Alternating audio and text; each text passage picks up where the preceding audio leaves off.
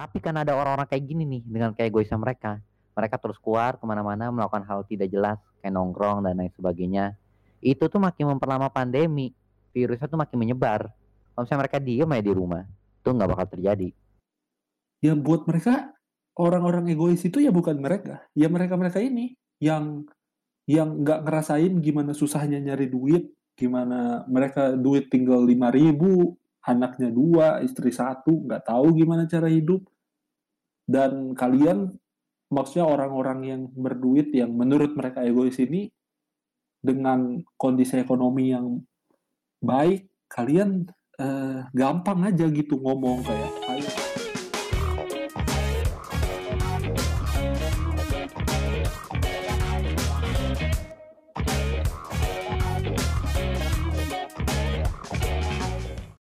Selamat datang di podcast kelompok yang berisikan Farel, Samuel, Marvel, dan Felix untuk tugas PKN.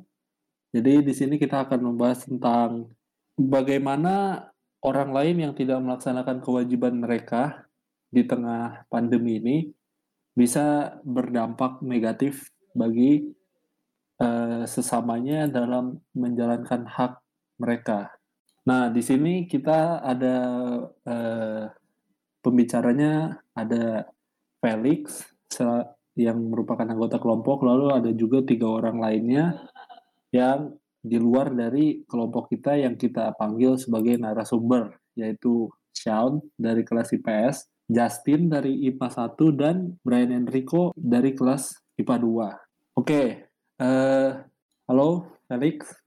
Ya, jadi kalau bagi aku ya orang-orang uh, yang nggak ngikutin kayak peraturan yang sudah diterapkan oleh pemerintah seperti tidak pakai masker, tidak ikuti 3M itu uh, merusak itu merusak banget apa hak-hak orang-orang yang mengikuti kayak misalnya mereka kan mau sehat ya untuk mengikuti itu itu udah hak mereka dong untuk menjadi sehat tapi karena adanya orang-orang yang nggak ngikutin itu mereka jadi terganggu kesehatannya jadi kenyamanannya gitu. Oh, oke. Okay. Jadi kau uh, mikir kalau orang-orang yang nggak pakai masker, berkerumun, nggak menaati protokol, terus melanggar aturan-aturan di tengah pembatasan-pembatasan yang dibuat itu bisa ngeganggu orang lain yang uh, apa namanya yang pengen yang sebenarnya mereka tuh punya hak buat sehat.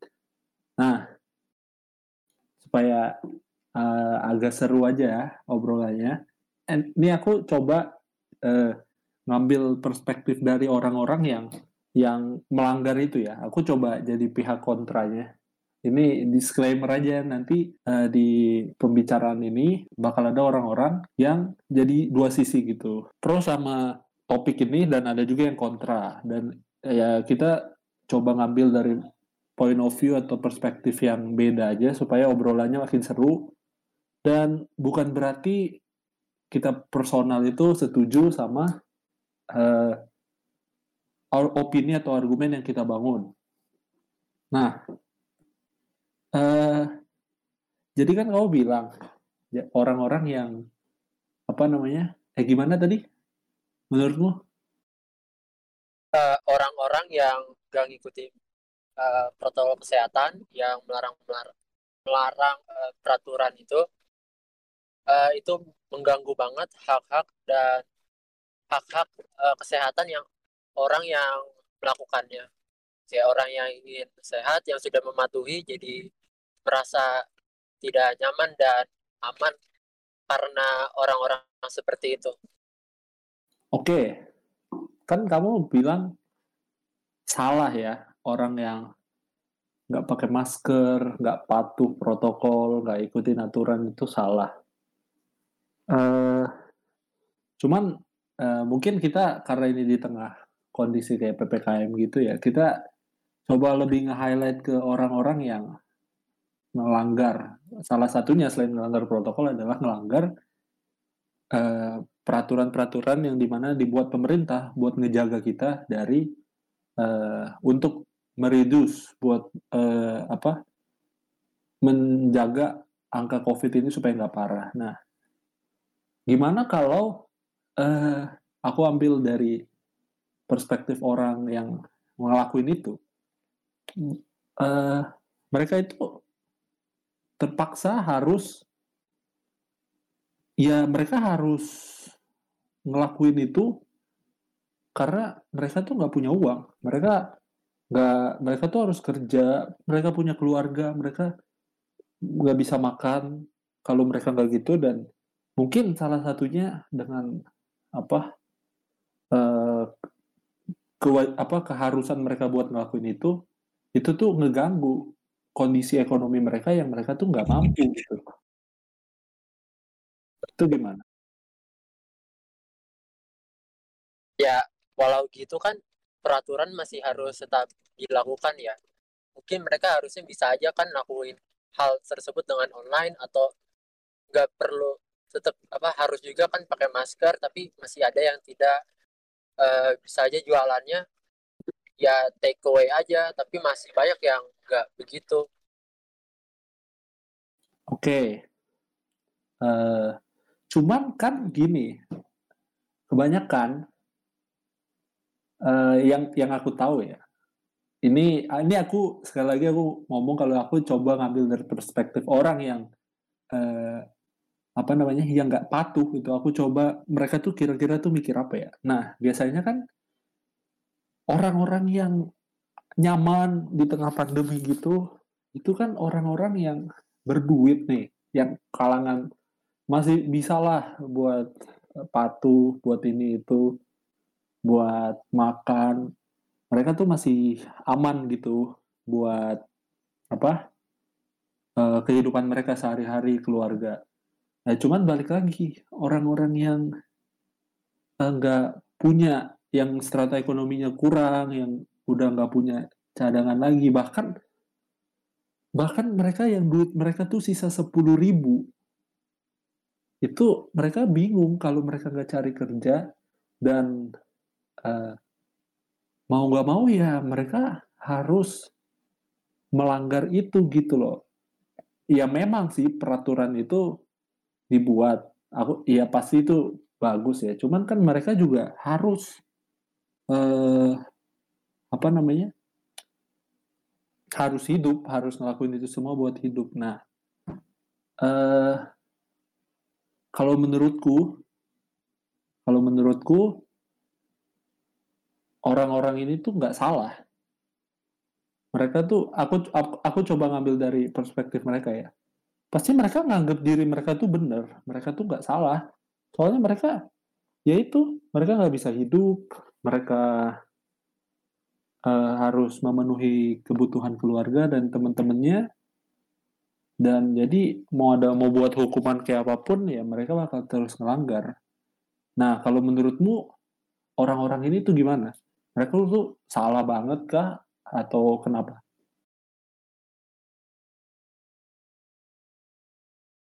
Masih aja salah sih ya, soalnya kan uh, di keadaan-keadaan seperti ini juga kan kita sudah tahu pemerintah membagikan uh, bantuan dana juga kan kepada mereka yang kurang mampu.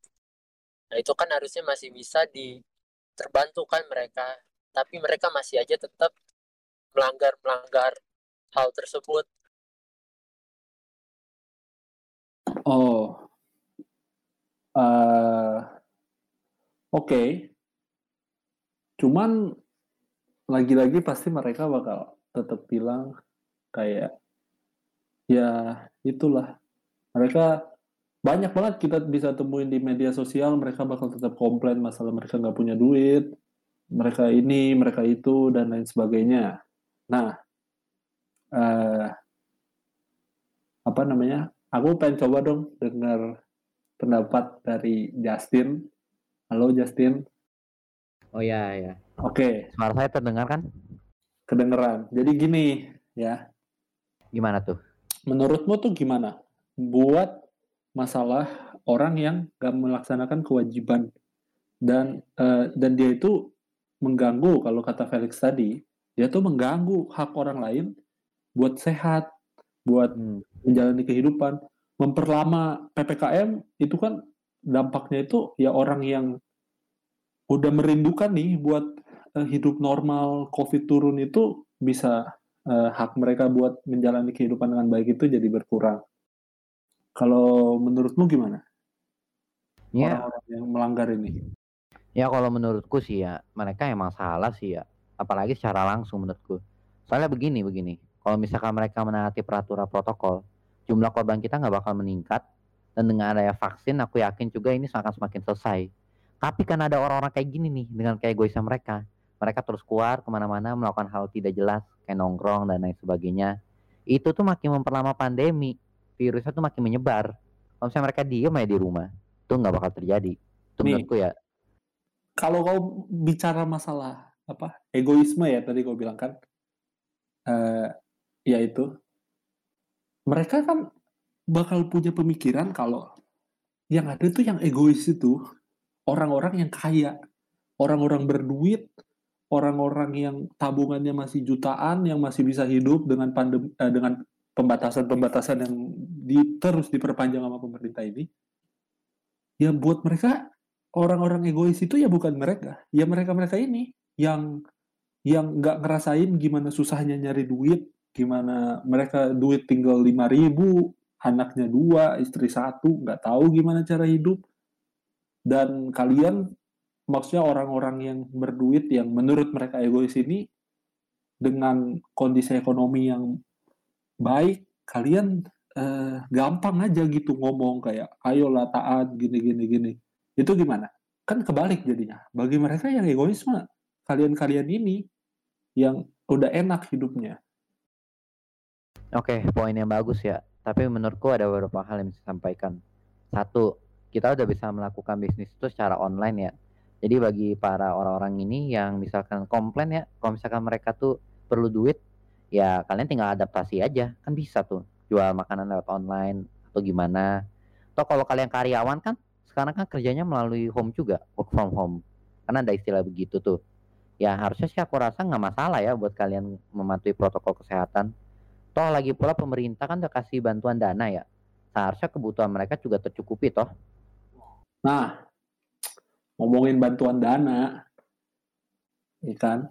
Ada nih di berita-berita kalau eh, apa namanya? Kalau eh, apa eh, ada rumor, bukan rumor sih, ya berita.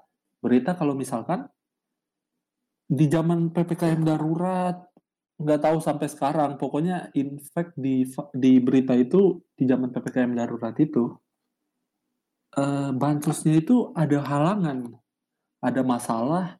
Kalau aku nggak salah dengar mereka bilang masalah karena eh, kalau kita terlalu buru-buru ngasih bansos, pemerintah tuh takut bakal ada eh, menteri-menteri sosial yang kedua. Jadi karena mereka terlalu buru-buru, akhirnya muncullah koruptor lagi. Nah, nah jadi ada tuh hambatan tuh di masalah bansos. Nah, maksudku gini, eh, kenapa mereka bakal menilai diri, diri mereka benar untuk nggak menaati semua peraturan yang pemerintah buat, ya? Eh, mereka kan disuruh nih, kalian wajib pakai masker, protokol, eh, apa, eh, memperkecil mobilitas, nggak keluar rumah dan lain sebagainya. Cuman di satu sisi mereka mikir gitu dengan masalah bansos yang ada di berita itu, ya mereka mereka dipaksa untuk stay di rumah dengan masalah yang ada dan mereka nggak dapat duit loh. Mereka dari dari negara nggak tahu sekarang ya. Cuman di saat itu mereka tuh nggak dapat bantuan dan mereka harus kerja. Lagi-lagi mereka harus kerja. Mereka harus kerja, mereka butuh duit. Eh, nah, gimana gitu loh. Mereka ada yang sampai ditangkap lah, dipenjara lah, inilah, itulah. Sampai ada juga yang bilang, masa penjara orang yang melanggar PPKM bisa lebih seakan-akan lebih berat ketimbang seorang koruptor yang eh, minta dirinya dibebasin. Ya kita nggak usah bahas tentang itulah. Maksudnya mereka sampai di penjara, padahal di satu sisi di berita-berita diberitakan kalau ada masalah dalam pemberian bansos ini. Jadi pasti mereka tetap bakal menilai diri mereka tuh benar. Karena mereka yaitu harus survive dari keadaan ini. Nah, gimana tuh? Ya, kalau menurut saya ya sekali lagi mereka bisa beradaptasi secara digital ya, mulai melakukan dunia digital, berinvestasi situ. Kan apalagi sekarang ini dengan boomingnya kripto nih, mereka bisa investasi di saham dan lain sebagainya. Dan untuk poin kedua tentang gangguan di sirkulasi bansos, ya mungkin memang ada gangguan sih di sirkulasi bansos, tapi toh buktinya semua orang dapat kok yang saya tahu. Kebanyakan orang yang memerlukan dapat kok semuanya. Jadi ya saya rasa sudah tidak ada alasan lagi sih buat mereka melanggar dengan keluar-keluar segala. Apalagi kebanyakan dari orang-orang ini ya, justru tuh mereka tuh nggak kerja, tapi mereka tuh malah nongkrong. Ada loh yang kayak gitu. Dan mereka tuh jumlahnya tidak sedikit. Mungkin sekitar 50%, ya setengah-setengah lah. Ah, uh, hmm, oke. Okay. Aku coba ngambil dari perspektif orang yang ini lagi yang yang kau bilang ya banyak yang nggak kerja cuma nongkrong dan gini gitu gitu kan iya betul. Uh, ya mungkin mereka pikir uh, apa namanya ya kayak gitu uh, dengan mereka nggak pakai nggak ngikuti protokol dan teman-temannya ya uh, ya mungkin gini deh. Mungkin uh, yang nggak ngikuti protokol dan itu yang dan lain sebagainya tuh oke okay lah yang cuma nongkrong. Cuman kan buat kayak kau bilang tadi bisa ber apa namanya uh, investasi. Bukan bukan berinvestasi. Bisa adapt uh, sama digital dan lain sebagainya. Betul. Kan nggak, aku coba ngeliat dari mereka ya, dan mereka kan nggak semuanya butuh. Ya, pertama gini, nggak kalau buat melakukan transformasi ke bisnis digital, mereka nggak semuanya punya uh, modal buat jualan, buat apa yang dijual. Mungkin ada lah, cuman maksudnya mereka bakal lebih concern nih ketimbang kita ngelakuin kayak gitu, kita mikir dulu nih besok kita gimana makan, gimana anak saya makan, gimana istri saya makan, duit cuma segini dan uh, apa namanya apa uh, di zaman itu bantuan juga gimana gitu ya. Mungkin kalau masalah bantuan ya ya jam mungkin sekarang udah ada, cuman waktu itu kan sempat ada masalah. Mungkin sekarang udah bener. Cuman masalahnya yaitu eh, makanan juga kan mereka butuh dan ya kalau mereka nggak punya duit dan belum tentu bansos yang diberikan itu mencukupi kebutuhan mereka gimana dong? Maksudnya gini, belum mereka mencoba buat masuk ke bisnis digital, mereka tuh harus lebih aware sama yang lebih fokus apa sama yang lebih penting gitu.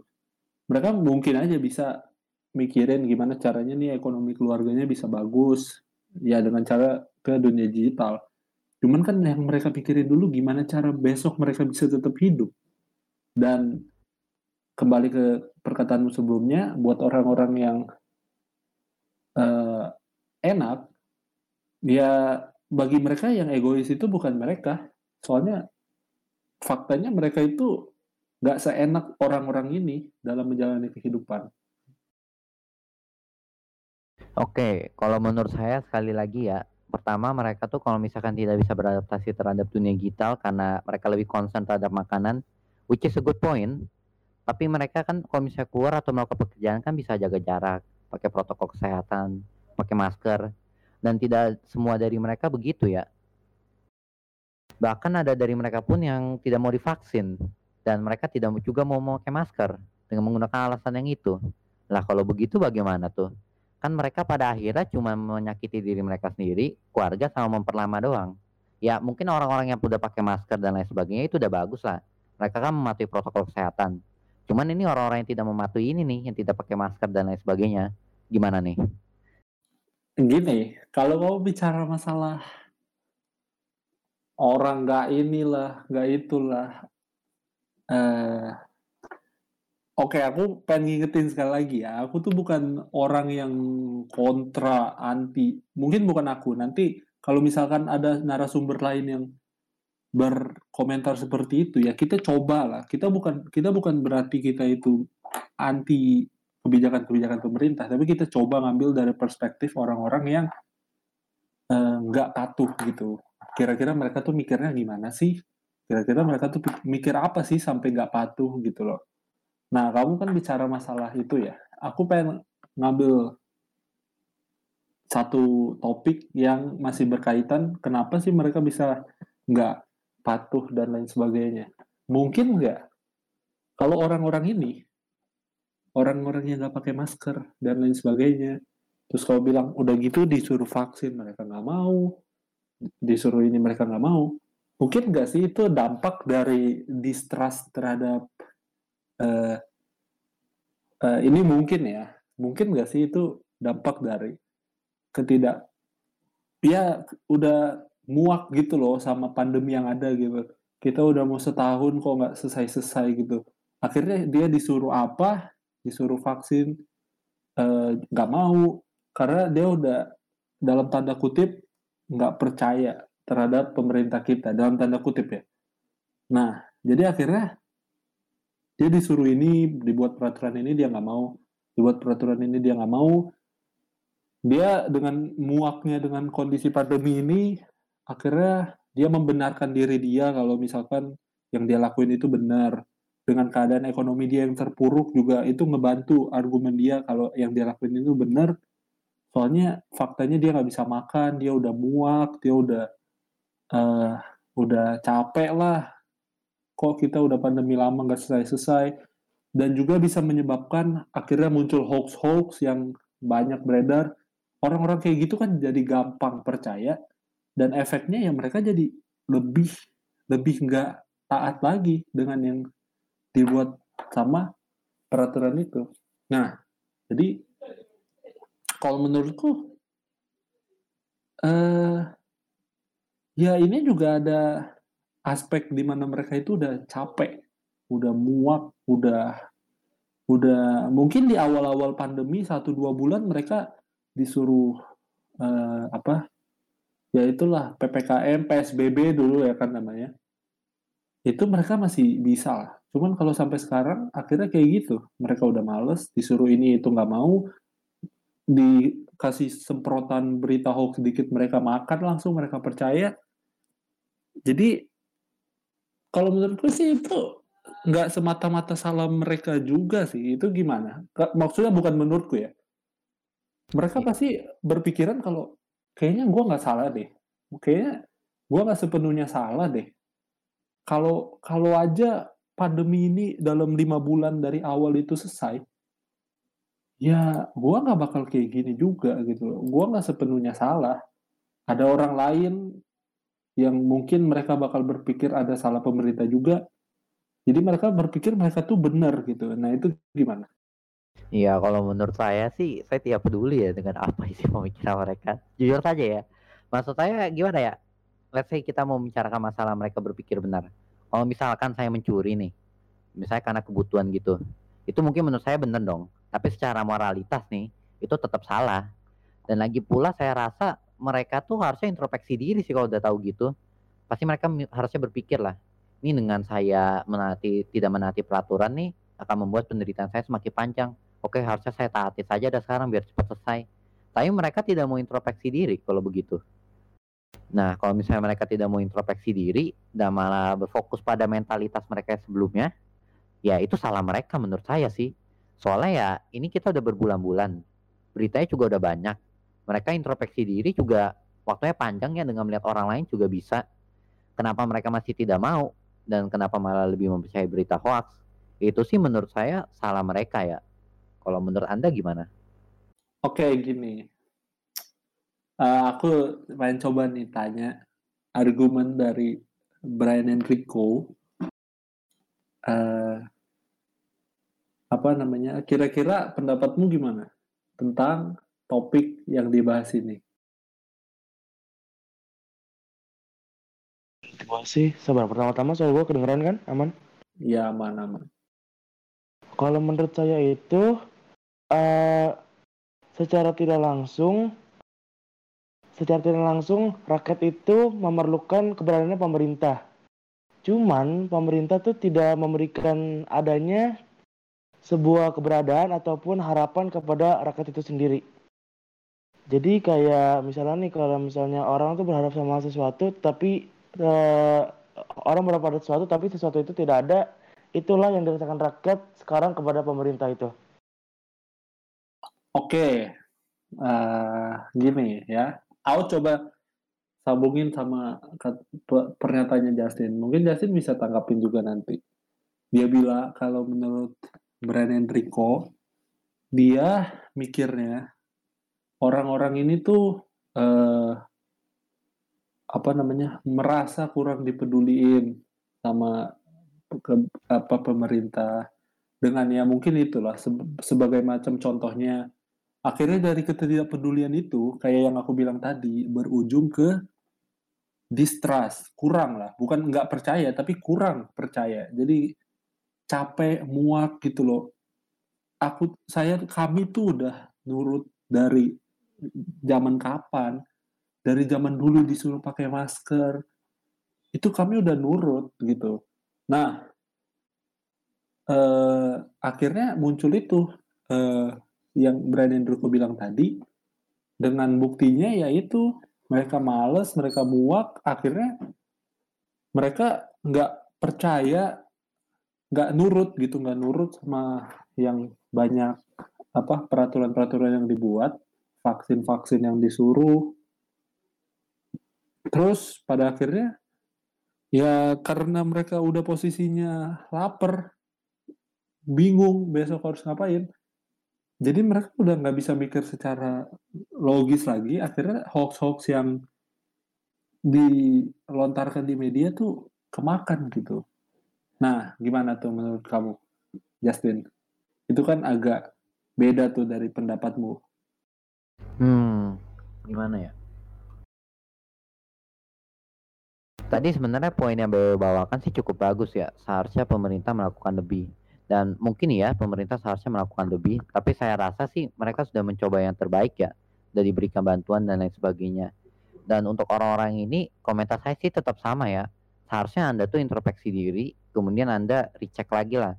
Ini yang saya lakukan ini benar atau tidak bahkan dalam situasi desperate pun ya saya tahu mungkin semua orang tidak melakukan keputusan terbaik. But at least kita bisa introspeksi diri lah. Ini kan udah berbulan-bulan kita udah tahu juga nih dampaknya kayak gimana. Yang kena udah banyak juga. Nah harusnya tuh mereka juga mikir kembali ya dan tidak stay dengan mentality mereka yang sama. Jadi kalau tanggapan saya sih tetap sama ya. Nah uh, berarti tadi Justin bilang ya mungkin pemerintah tuh harus ada gitu. Agak lebih lebih gitu. Cuman yang dilakuin udah bagus. Cuman seenggaknya orang-orang ini yang berke, yang sekarang tuh lagi susah itu harusnya udah introspeksi dan lain sebagainya. Ada tanggapan nggak dari Brian? Kalau gue sih mau kaitin tadi sama yang pernyataan Samuel di awal, menurut saya bagaimana ini uh, kalau ini pertanyaan saya ke Justin. Bagaimana orang dapat meng bagaimana orang dapat mengintrospeksi diri uh, tapi mereka aja nggak uh, tapi mereka aja nggak bisa mikirin mereka makan apa besok. Itu dong sih. Nah nah gitu. Jadi dia bilang kalau poin mood Justin tuh tentang introspeksi diri itu sama kayak dia itu bisa adaptasi gitu. Ya dia uh, gimana ya? Mungkin bisa, apa mungkin nggak bisa karena dia harus mikir dulu buat dia makan gitu loh. Gimana tuh, Jas? Iya, sekali lagi yang saya ucapkan ya, walaupun dalam situasi desperate pun seharusnya kita semua bisa introspeksi diri dan harusnya mereka juga mulai sadar lah ya dengan mereka kayak gini mereka tuh makin lama makin nggak bisa makan dan uh, walaupun ya mereka desperate juga besok mau mikirin makan apaan cuman ya masa iya sih mereka tidak bisa introspeksi diri saya maksudnya kita gimana ya introspeksi diri itu tidak perlu latihan khusus ya. Anda cuma perlu memikirkan kira-kira menyelesaikan masalah ini bagaimana. Besok tuh kalau misalnya masalah semua ini pengen selesai itu gimana. Berpikir dalam skala yang lebih besar biar semua ini cepat selesai. Sehingga masalah Anda pun juga pada akhirnya terselesaikan. Toh kalau mereka khawatir tentang makanan kan banyak juga tuh orang yang membantu tuh. Pemerintah kan sekali lagi yang saya ucapkan kan membantu untuk makanan dan lain sebagainya. Jadi ya seharusnya menurut saya mereka introspeksi diri karena kebutuhan makanan itu ya juga udah dibantu pemerintah. Hmm, oke. Okay. Oke, okay. jadi untuk ya mengakhiri pembicaraan pada hari ini ya, kita pengen coba tanya pendapat atau gimana sih uh, uh, seorang Sean itu ngelihat tentang permasalahan ini. Mungkin aku bisa kasih poin-poin yang dari yang sebelumnya ya. Eh, apa? Justin tadi eh, dari awal dari awal Felix itu punya poin. Kalau eh, orang-orang ini orang-orang dia punya poin kalau ada ada orang-orang yang nggak menjalankan kewajibannya memakai masker berkerumun. Misalkan juga uh, dia datang ke tempat orang sehat tanpa tes gitu, terus nggak taat dengan protokol yang dibuat, nggak taat dengan pembatasan-pembatasan yang pemerintah buat. Nah, menurut Felix tuh di awal tuh dimulai dengan orang-orang ini tuh salah. Mereka tuh bisa mengganggu hak uh, orang lain yang sebenarnya dengan adanya orang-orang ini, menurut si Felix itu, orang yang uh, mengikuti PPKM dengan baik, menaati protokol dengan baik, itu tuh sebenarnya mereka bisa selesai masalah ini dan udah mulai bisa menjalani kehidupannya. Cuman jadi terhambat gitu. Hak mereka buat hidup, hak mereka buat tetap sehat itu terhambat dengan orang-orang yang menyalahkan atau nggak melaksanakan kewajibannya. Menurut Felix kayak gitu. Nah terus aku coba ngambil perspektif dari orang yang ngelakuin itu. Gimana kalau sebenarnya mereka tuh nggak ngelakuin itu tuh karena emang mereka terpaksa. Mereka nggak punya duit. Uh, udah apa namanya udah harus hidup besok harus makan. Dan ya itulah. Mereka tuh nggak kayak orang-orang yang enak gitu hidupnya. Mereka tuh besok makan aja apa aja mereka harus mikir. Nah, kemudian dari perspektif itu ditanggepin lah sama Justin. Uh, poin dia mengenai kalau orang-orang ini tuh harus bisa beradaptasi dan lain sebagainya. Terus aku bilang, uh, aku dan Brian Enrico sama nih. Kita juga uh, respon gimana kalau mereka itu bisa beradaptasi tapi gimana cara mereka beradaptasi tapi uh, mereka itu harus mikir dulu besok makan apa. Jadi dari ketimbang mereka mikir gimana cara bisnis mereka bisa tetap jalan mereka tetap bisa ngasilin uang mereka lebih concern ke gimana cara besok dia tetap makan. Nah cuman dari kontra kontra yang ada itu uh, dan argumen yang mendukung pro-nya itu yang Felix tadi bilang masalah mereka itu salah dan sebagainya terus dibalas sama aku sama Brian Enrico. Ada juga poin plus dari Justin. Dia bilang selama ini kalian ngapain aja? Kita kan sebelum PSBB ada momen di mana enak lah bioskop udah dibuka bebas uh, udah mulai renggang gitu loh. Sebelum ya tepatnya sebelum muncul varian delta ini ya. Maksudnya mungkin poinnya Justin adalah kenapa di zaman itu kalian tuh nggak mikir? Kalian kalian nggak mikir kalian gimana kalian recover bisnis kalian gimana kalau terjadi gimana kalau covid ini makin parah kalian harus ngapain? Nah salah satu poin plus dari Justin tuh itu. Selama masa kemarin yang di mana udah mulai enak itu kalian kenapa nggak coba buat uh, berpikir itu di situ pada momen itu? Nah, dari poin-poin yang negatif sama poin-poin positif yang udah disampaikan sama Felix, aku, eh, Justin sama Brian Enrico, kira-kira seorang Sean ini eh, gimana menanggapi topik masalah ini? Oke, kita coba lihat dari dua sisi ya. Dari sisi pemerintahan, mereka itu kenapa ya cuma mereka kasih 300 ribu doang buat per orang itu? Itu karena negara kita tuh tidak punya uang dalam esensi jumlah yang besar. Lalu ya saya juga tidak sepenuhnya menyalahkan rakyat tentang uh, mental mereka yang anti pemerintah ini karena memang uang 300 ribu buat sebulan buat satu orang aja itu tidak cukup. Kalau kita hitung-hitung ya 30 hari uh, 300 300 ribu dibagi 30 hari aja ya cuma bisa pakai 10 ribu. Dan sehari 10 ribu itu bisa makan apa ya? Saya juga uh, bingung justru itu dengan uh, karena 300 ribu itu emang cukup. Lalu di rakyatnya itu salahnya di mental mereka bener. Uh, yang kata Justin itu bener karena saya juga masih melihat banyak orang Indonesia ini yang boro-boro tidak percaya COVID nggak mau divaksin juga. Dan di saat penerapan ppkm mereka juga mesti nongkrong nongkrong di mana. Dan di saat sebelum adanya pemberlakuan ppkm juga mereka tetap aja nongkrong nongkrong gitu. Nggak mikirin kerjaan nggak mikirin apa.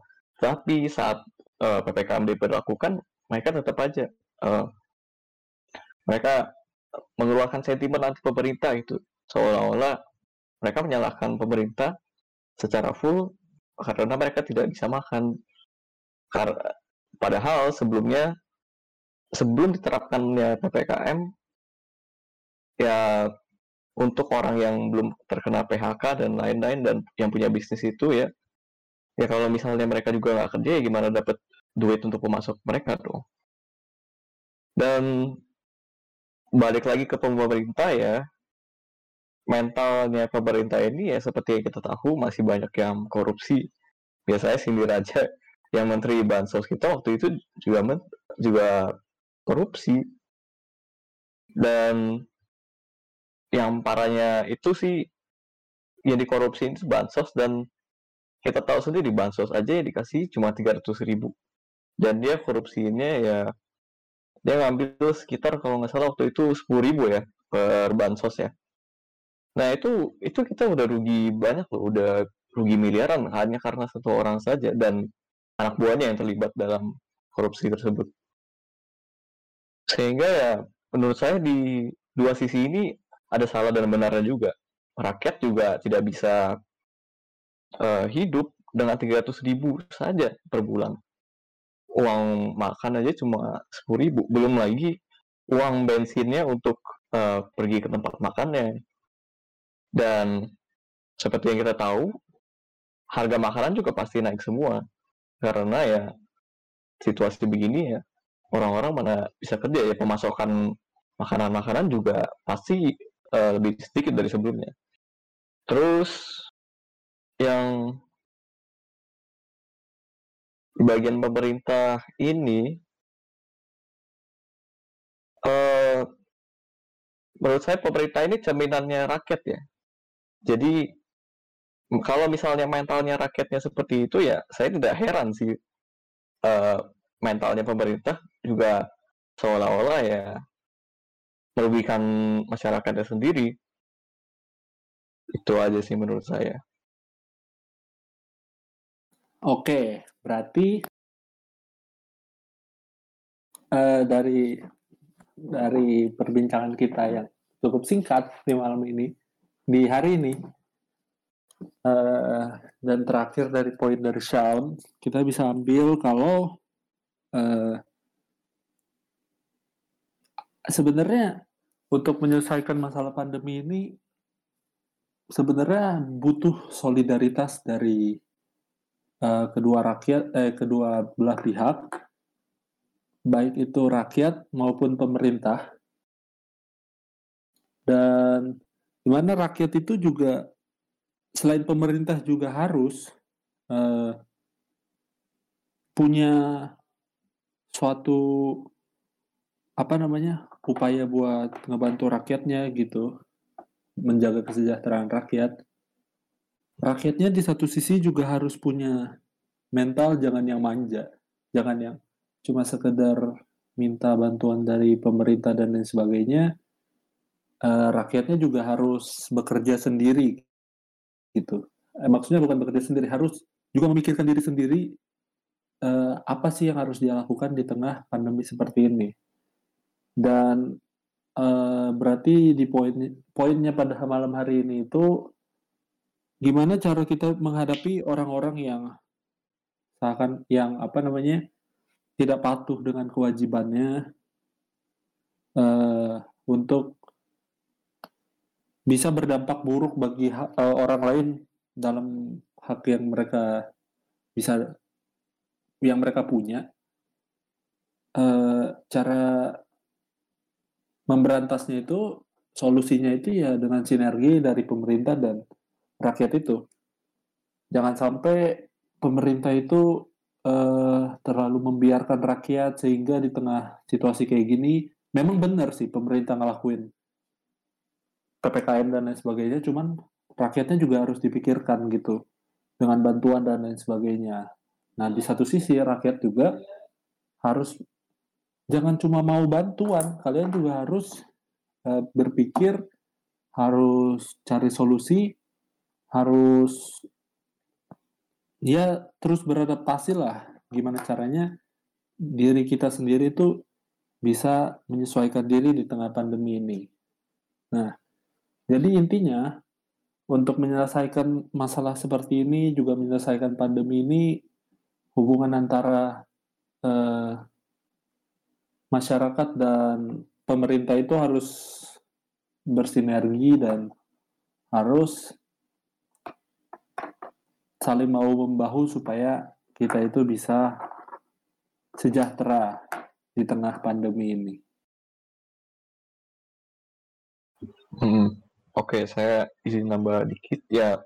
Betul. Uh, ini kedua badan ini ya yang meliputi negara ini yaitu pemerintah dan warga atau masyarakat sendiri itu memang harus bekerja sama uh, untuk ya mengatasi pandemi ini dan dalam bekerja sama ya mental kedua instansi ini harus memang benar-benar uh, fokus ya di dalam penyelesaian masalah pandemi ini.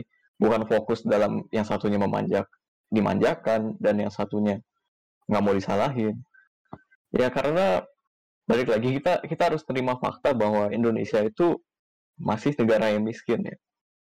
Dan dalam cakupan negara miskin maksud saya kita tuh uh, dalam essence punya banyak uang atau enggak kita sebenarnya nggak punya banyak uang. Dan kita bisa lihat sendiri pembelian vaksin aja kita uh, juga telat pas pertamanya dan boro-boro telat. Yang dibeli juga sedikit vaksinnya. Baru sekarang aja banyak kan.